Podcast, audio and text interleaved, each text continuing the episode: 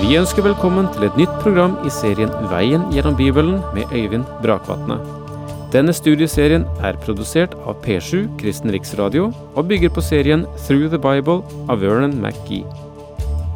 I dag fortsetter vi med Johannes' åpenbaring.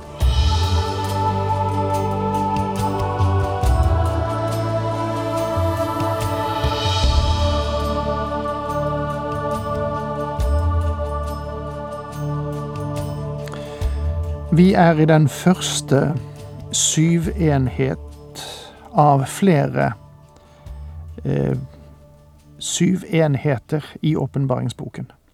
Det vil si at eh, det som foregår, aktiviteten, knyttes sammen i enheter på syv.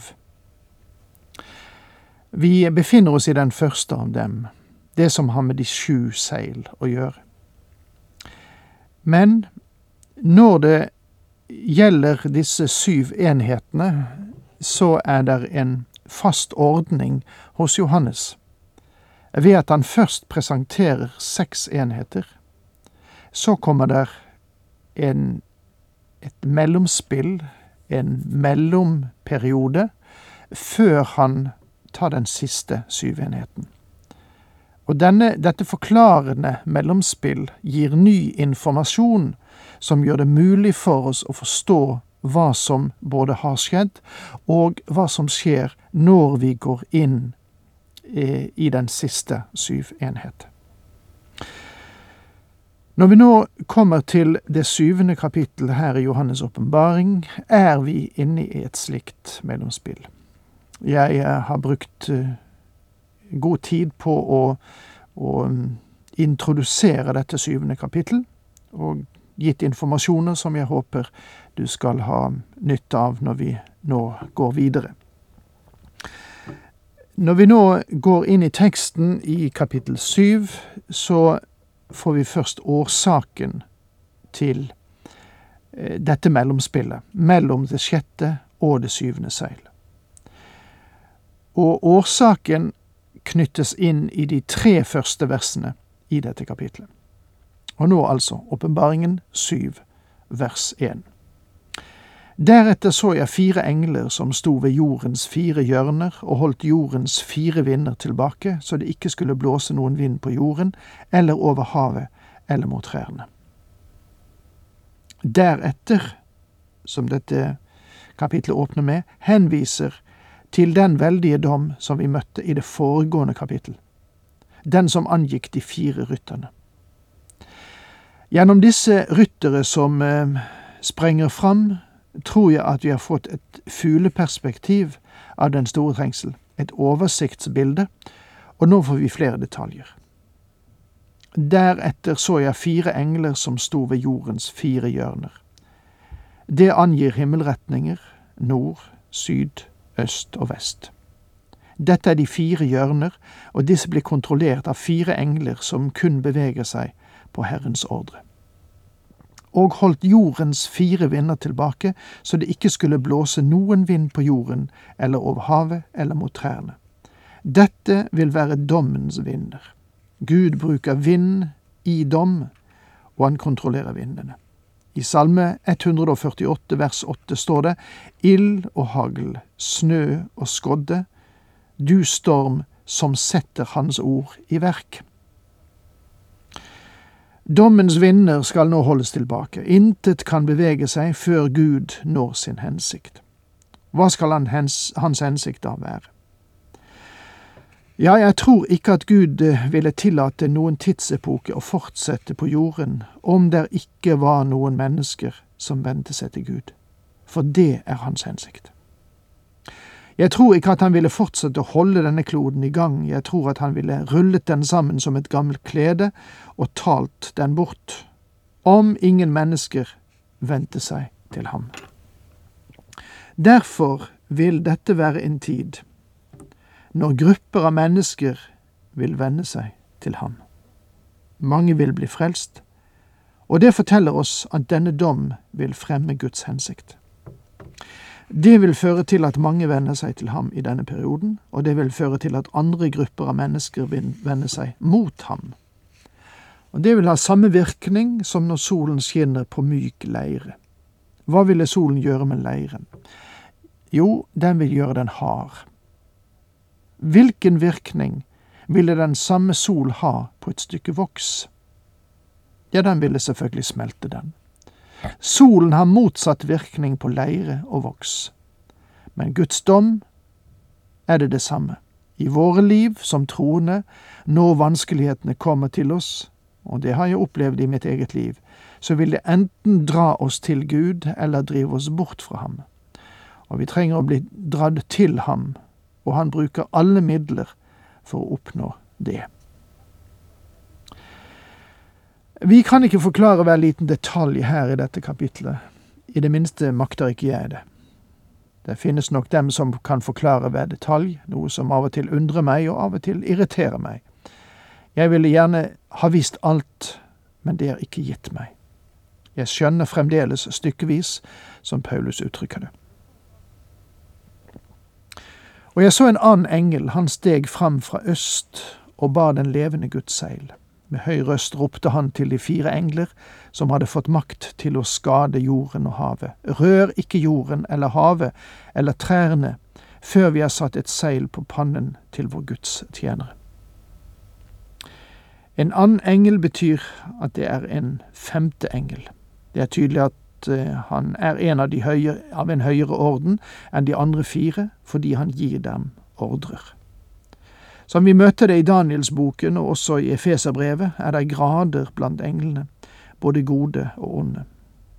Satan har sin demonverden vel organisert, og jeg tror at han eh, har både sine generaler og sine sersjanter. Men Gud har også orden på sine engler. Den engel vi nå møter, gir ordrer til de andre fire. Med høy røst ropte han. På gresk er dette fone megalle. Om du vender på disse to ordene, så er det lett å se hvor vi får ordet megafon fra. Megalle betyr stor, og fåne betyr lyd eller stemme. Stor stemme. Dette er en antydning om at en fryktelig og skremmende dom er i ferd med å bryte utover jorden, og at det derfor er nødvendig å sikre gudstjenere. Om han ikke beseiler dem, vil de ikke makte å komme gjennom denne tid. Men de skal bli bevart under denne vredens tid som kommer over jorden.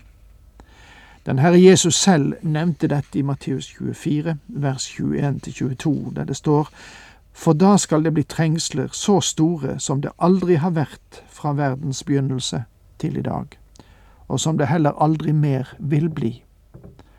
Om den tiden ikke ble forkortet, vil ikke noe menneske bli frelst, men for de utvalgtes skyld skal den tiden forkortes.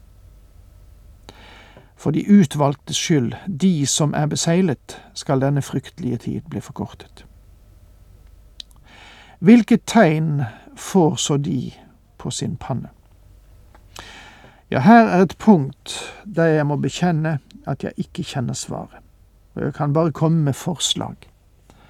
Det er mange som har kommet med sine påstander om hva dette merket skulle være, men jeg finner ingen av forslagene tilfredsstillende. Det sies ikke hva dette er, og jeg tror ikke det er viktig for menigheten å vite hva dette tegnet er heller. Det vi får vite, er bare at de vil få et merke. Vi vet at det er dem som ikke vil være i stand til å handle i den periode når Antikrist sitter ved makten, med mindre de har dyrets merke. Dette Guds tegn vil da stå i kontrast til dyrets merke. Og jeg har en følelse av at dette er et åndelig merke som hører deres liv til. Ved frukten skal dere kjenne dem, gjennom deres liv. Jeg tror at dette vil være Guds tegn under denne perioden, fordi de gudløse virkelig skal eksponere sin gudløshet. Og personlig synes jeg at gudløsheten har gått langt nok i verden i dag. Men Guds ord sier at man kan komme mye dypere enn det dagens verden åpenbarer. Vi har nå dette mellomspillet før det syvende seil blir åpnet, og denne engelen er åpenbart mer enn en sersjant. Han holder til høyere opp i rekken. Han sier, stopp litt, hold tilbake dommens vinder, vindene som markerer den store trengsel, for vi må besegle disse menneskene så de kan komme seg gjennom denne forferdelige tid. To grupper vil bli beseglet. Den ene kommer fra israelsfolket, og den andre fra hedningenes verden. Hvor er menigheten? Ja, menigheten er ikke her. Jeg tror at de er med Kristus i det nye Jerusalem.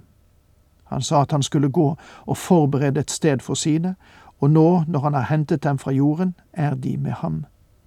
Denne byen vil komme ned fra Gud, Gud litt senere i åpenbaringsboken, og da skal vi se nærmere på den. Årsaken til mellomspillet mellom det sjette og det syvende seil er derfor at man skal være sikker på at Herrens egne er beseglet før den store trengselstid. Den Herre Jesus gjorde det helt klart at de skal kunne komme gjennom denne tiden.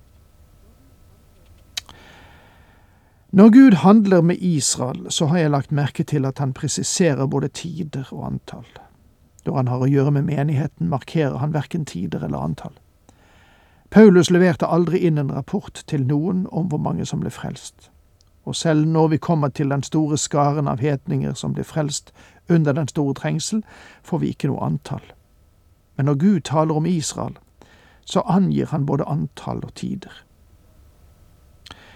At en rekke bibellærere har angitt både dag og tid, har brakt studiet av profetiene i vanry. Men denne sida av det profetiske markeringen bør vurderes like høyt som andre sider ved det profetiske tema. Og jeg hørte tallet på dem som hadde fått seile. Det var 144 000 fra alle stammene i Israels folk. 144 000 er det antall som har fått seilet fra Israels alle stammer, men vi vil se at fra hele jorden er det store skarer av hedninger som ble frelst. Altfor tallrike til å telles. Det virker som en stor skare skal bli frelst under den store trengsel. Hvordan skal de kunne bli frelst? De skal bli beseglet. Den hellige ånd vil være her, ikke bare for å gjenføde dem, men han vil også ha en spesiell tjeneste med å besegle mennesket i denne periode. Seile er garantien for at de skal utfris. For mange år siden kunne du sende penger, kontanter i et bank og brev. Da gikk du på postkontoret, la pengene og brevet du eventuelt hadde skrevet i en spesiell konvolutt, og limte den igjen. Selvfølgelig hadde du skrevet navn og adresse og avsender på. Så ble portoen satt på, deretter ble det satt et lakkseil på brevet, og det ble preget med postetatens seil. Det seilet betydde at Posten garanterte at dette brevet med pengene skulle sendes på den sikreste måten og nå adressaten trygt. Det tok litt lengre tid å sende et bankobrev, men til gjengjeld var det en absolutt garanti at mottakeren skulle få brevet. Og det er det seilet, eller det å være beseglet, betyr her. Den hellige ånd gir sin garanti. Og med det må vi si takk for nå, Herren med deg.